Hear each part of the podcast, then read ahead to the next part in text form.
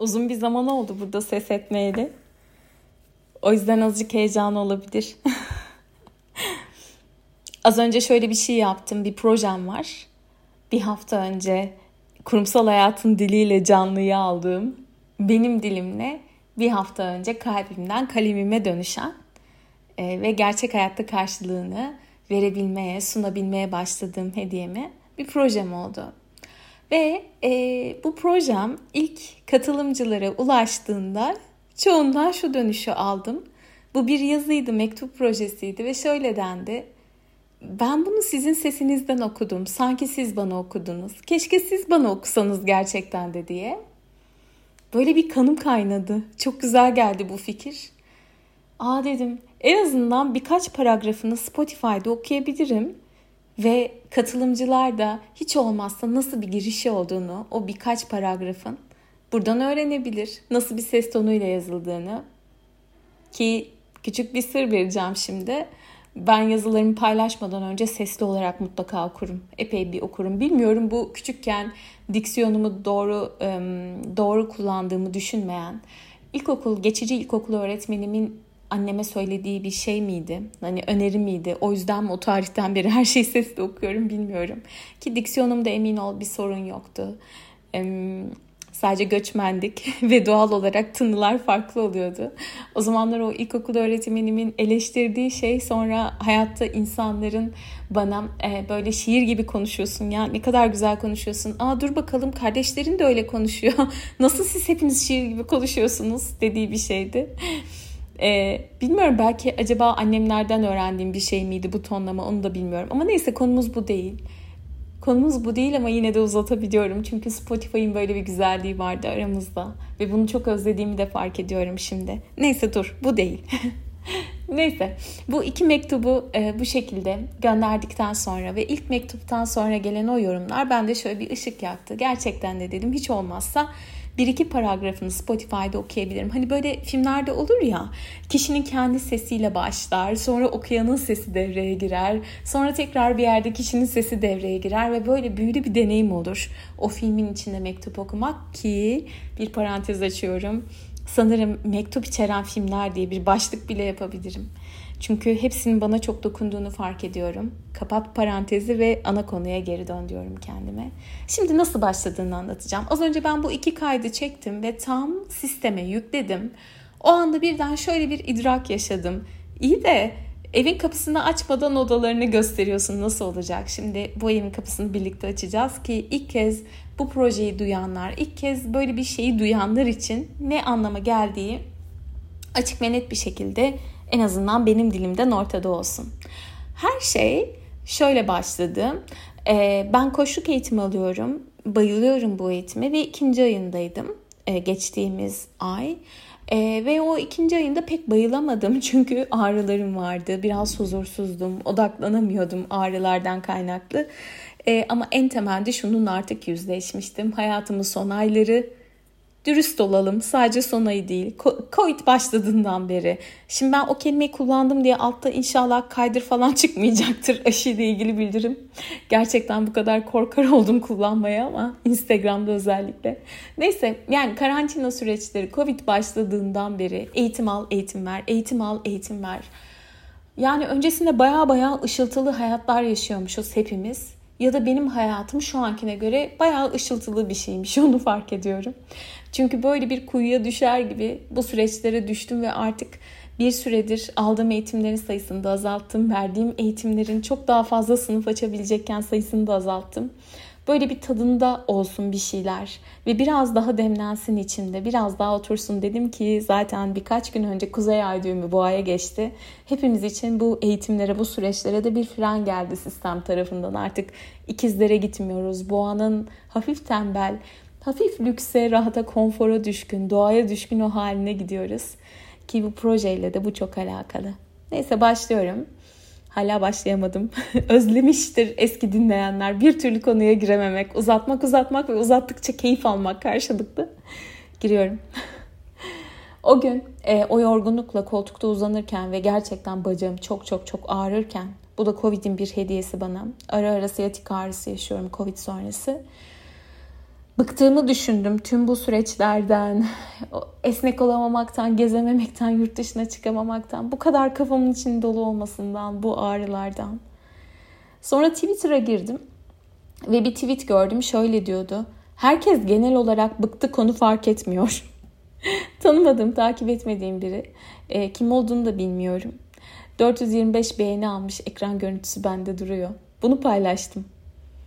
Birkaç dakikayı silerim dedim. Yani böyle bir birine içimi bir açayım da bıktığımı ve herkesin bıktığını bak başkaları da söylüyor diye.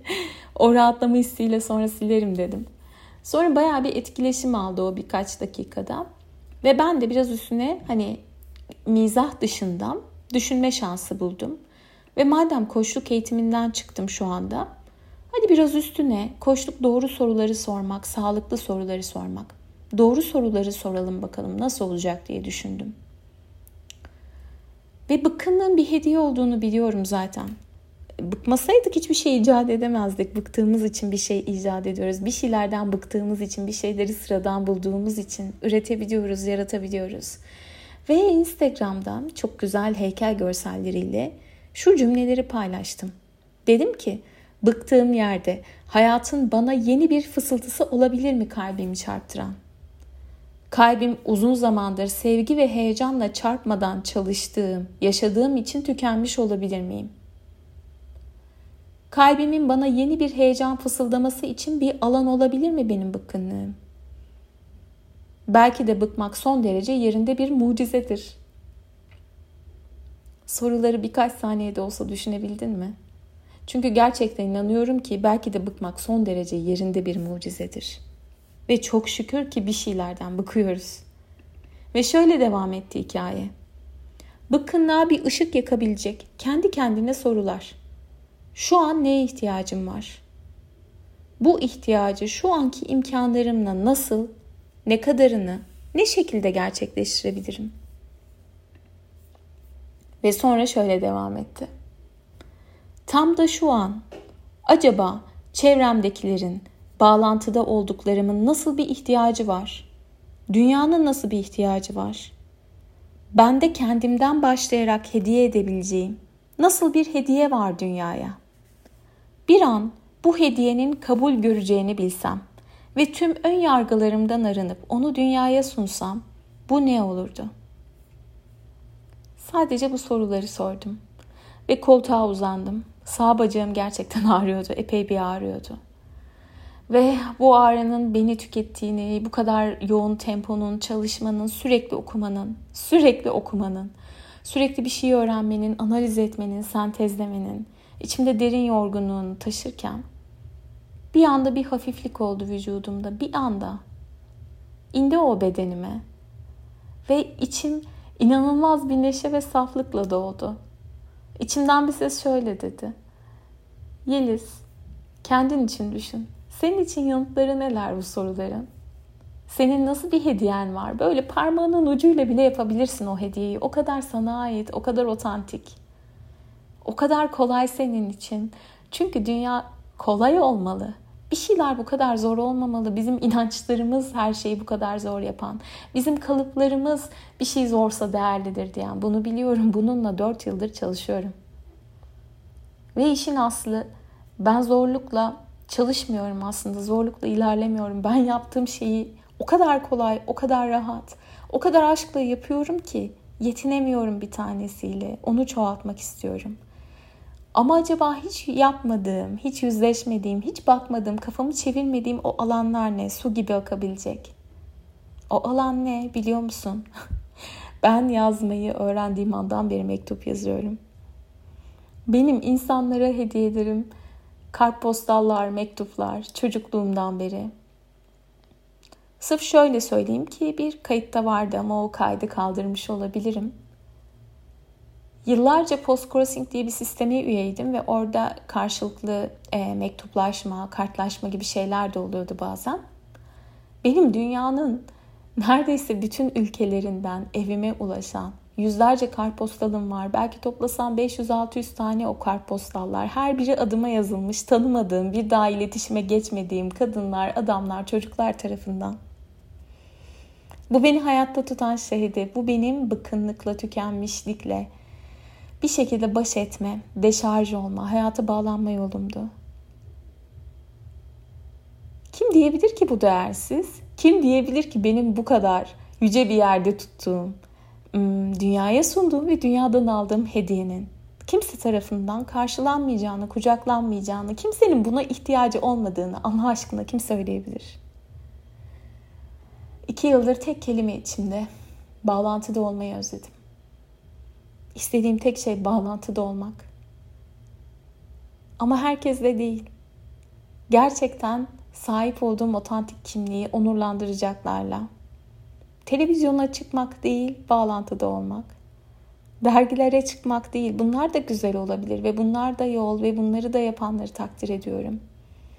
Ama benim ruhumun çağrısı gerçekten o derinden hissettiğim, düşündüğüm ve benim için kolay akan alandan oradan beslenmek isteyeceklerle bağlantı ol, bağlantıda olmak. Ve mektup yaz geldi içime bu fikirle birlikte.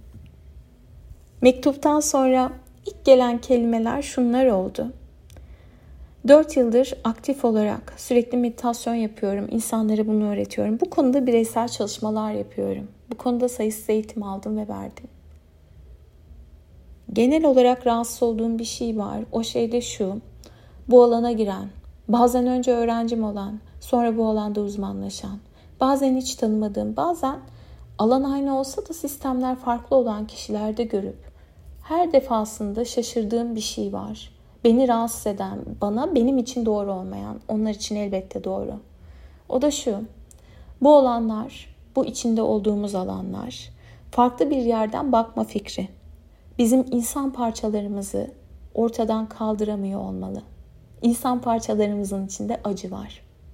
Ne kadar kaçmaya çalışırsak çalışalım acı var, duygular var. Yönetemeyeceğimiz alanlar var. Hem de öyle bir yönetemeyeceğiz.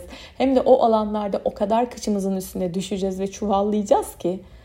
Yani orada durup kendini eşelemek, meditasyon yapmak, yüksek bakış açısına geçmek falan değil. Oturup böyle katılı katılı ağlamak var. Ve işte Sezen'in şarkısında gibi o ne kadar yol almışım şuradan şuraya bile değil ne kadar çok yolun başındaymışım ver deyip birkaç gün sonra aldığın yolu gerçekten görüp onurlandırmak da var. Bu parçamı seviyorum. Bu parçamı gerçekten seviyorum. İnsan olan, hisseden, şarkılarla, şiirlerle, edebiyatla beslenen, dramla değil ama oradaki duyguları anlayabilen, hissedebilen insan parçamı seviyorum.'' cesaretli olan, yazabilen, içini şeffaf bir balık gibi gösterebilen, gidebilen, bunu zarafetle yapabilen, zarafetle bırakabilen tüm parçalarımı seviyorum. İşte konuyu artık biraz benden çıkarırsam şöyle bir şey yazmışım üstüne bunları içimde düşünüp. Bana mucizevi bir fikir geldi. Yorgunluk, tükenmişlik, bıkkınlık hisleri ve ağrı içinde ilk hikayenin sorularını yazdıktan sonra üstüne düşünürken. O tohum şimdi azıcık köklendireceğim. Belki birkaç hafta ya da ay sonra burada cesaretle sunacağım. Belki tutmayacak tohum, hiç duymayacaksınız bile. Ama kalbime birden cesaret, bedenime kalpten bir heyecan ve ağrıyan bacaklarıma ise ilerlemek için neden verdi. Ya yayındayız. Simgesi okçudur yayın. Cesur olun. Küçükten büyüğe hedefler koyun kendinize bu ay. Öyle emir veren bir yerden değil yazım. Yükselen Merkür, Uranüs, Neptün yay olan, deneyimleyen bir yerden. Yazıda maraton koşmak ayakkabıları giymekle başlar diyordum. Öyle diyerek eski bir yazımı paylaşmışım. Onu şimdi okuyamıyorum. Sonra ben birkaç hafta üstünde düşündüm. Benim derin yüzey kıyı diye bir atölyem olmuştu. O da böyle aniden kalbime sıcaklıkla gelmişti. Ve e, o atölyeyi de birçok arkadaşımla paylaşmıştım. İlk bana beni ilk yaz ben geliyorum diyen Tolunay'dı ve uğurum olmuştu. Tolunay'a hemen bir e, mesaj attım ve çok heyecanlandık. Karşılıklı olarak aşırı heyecanlandık. Ve e, biraz sessiz alayım bu fikri dedim. Çünkü bir şey çok paylaştıkça benim bir parçam onu zaten başarmış ve kutlamaya başlamış gibi motive oluyor ve yapmayı bırakıyor. Bu yüzden birkaç hafta içinde e, dinlenmeye ayırdım. Ara ara saçma diyen parçam oldu. Ara ara gereksiz diyen parçam oldu. E, kimse önemsemeyecek bunu diyen parçam oldu. Evet onlar hep önüme çıktı ama bir kenarda durun dedim onlara. Sonra tüm aksiliklere rağmen içimden bir ses 21 Aralık'ta başla dedi. Fotoğraf bile yoktu. Berfin sağ olsun geldi. Ben eğitim veriyordum. Dışarıda çılgınca yağmur yağıyordu. Çıktık ikimiz de dışarıya. Islanarak fotoğrafları çektik. Sonra bir türlü yazısı gelmedi. Adı gelmedi. Adı son ana dek gelmedi. Güneşi arayan mektuplar. Nasıl gelmedi hem de biliyor musun? O kadar gelmedi ki neredeyse mektuplar diye duyuracaktım. Öf bir çıksın artık benden bu doğamayacak diye. O kadar gelmedi ki mektubu yazmaya, duyurmaya başlamadan önce ikisinde de yataktan kalkacak gücü kendimden bulamıyordum. Böyle bir şey kollarımı tutuyor gibiydi. Ve o tutan da benim bir parçamdı biliyorum. Sonra artık duyurma günü geldiğinde kalktım duş aldım. Duş alırken e, herhalde dedim mektuplar diye duyuracağım. Sonra böyle bağlantılar oluştu zihnimde. Üst üste geldi o bağlantılar. Kış güneşi, kışa girdik. Kış güneşi. Ne güzel bir şarkı dedim, çok severim. Oradan güneşi uyandıralım geldi içime. Ah şeker portakalının devamı. Aşığım bu kitaba ne çok severim dedim. Birden güneşi arayan mektuplar dedi kalbim. Ve sonra oturarak bir avazda çıksın artık şu diyerek niyet edip şöyle yazdım. Mektup bir zaman parçasının mikroskop altına alınıp derinine, hücrelerine inmek gibidir gözümde. Genellikle zaman algımızda hızlıdır. Ancak o kesit küçücük bir andaki bütünü görmemizi, renklerini, harmonilerini, büyüleyiciliklerini fark etmemizi sağlar. Parça nasıl ki bütünün bilgisini taşıyorsa o minicik an parçası da bireyden çıkarak insanlığın bütününü kapsar. Tarih bilincimizde değişiyor olsa da özellikle sevdiğiniz bir yazarın mektuplarını okuduğunuzda ya da öylesine bulduğunuz bir mektubu insanın sıradan doğasının içindeki tutkuyu, isyanını ve değişmeyen anlam arayışını, değişmeyen sorunlarını, zaaflarını, cesaretini, çekingenliğini ve bazen de yitirilenleri görürüz. Mektup yakınsamaktır en uzak olanla bile belki bu sebeple. Sizi 3 aylık bir deneyime davet ediyorum. Bu yolculuk sadece kelimelerle değil. İstanbul'un hikayesi asla tükenmeyecek tarihi yarımadasıyla, Beyoğlu'yla, martısı, ezan sesleri, kilise çanları ve vapur düdükleriyle. Her hafta bir mektup yazacağım. Bu bir karşılıklı mektuplaşma deneyimi değil. Tek yönlü mektuplar, kişiye özel değil. Sadece e-postanıza ulaşacak ve belki düşündürecek, belki içinizdeki o bütüne ulaşacak bir mektup. Romantik, hüzünlü, melankolik değil, bu halden değil. İnsanın anlam arayışından, gün içinde fark edilen derin temasta olma anlarından, bu anlara eşlik eden yazar, şair ve filozoflardan. Hem bir yönüyle görünenin başka yüzünü görmeye adanmış, hem de bir o kadar dünyevi formdan. Epifani kelimesi bunu en iyi tanımlayan. Bir anda gelen derin bir farkındalık, aniden gelen özü anlama anı. İlk mektup 21 Aralık'ta alıcılarına ulaşacak. Sonrasında 3 ay boyunca her hafta bir mektup ulaşacak posta kutuna. 12 kez birlikte kışın sertliğinde her gün doğacak olanı arayacağız. İşte böyle davet ettim. Davetime 300 kişinin katılacağını öngörüyordum. Öyle gelmişti içime. Gerçekten de 342 miydi ilk başladığımız kişi? Öyle başladık ve ben ilk mektubu paylaştığımda sayımız 400'e ulaştı ve sonrasında ben artık satın almayı kapattım. Ancak çok soru geliyor. Bu yüzden eğer yeniden açarsam ilk alanlara küçük bir jest yaparak açarım demiştim. Bu akşam bu kayıttan sonra yeniden açacağım satın almayı ve şu andan itibaren almak isteyenler varsa gecikmeli olarak ilk mektupları postasına alacaklar. Öyle. Dilerim sen de bu kaydı 20 dakika dinlediysen öncelikle teşekkür ederim dinlediğin için. Gecenin biri ve biraz uzatmış olabilirim. Teşekkür ederim dinlediğin için. Bu yolculukta 20 dakikada olsa birlikte bana eşlik ettiğin için ve e, bu kaydı dinleyen mektup listemdeki biriysen sana da ayrıca çok çok teşekkür ediyorum. Hediyemi sana sunmama yardımcı olduğum, buna izin verdiğin için. Görüşmek dileğiyle.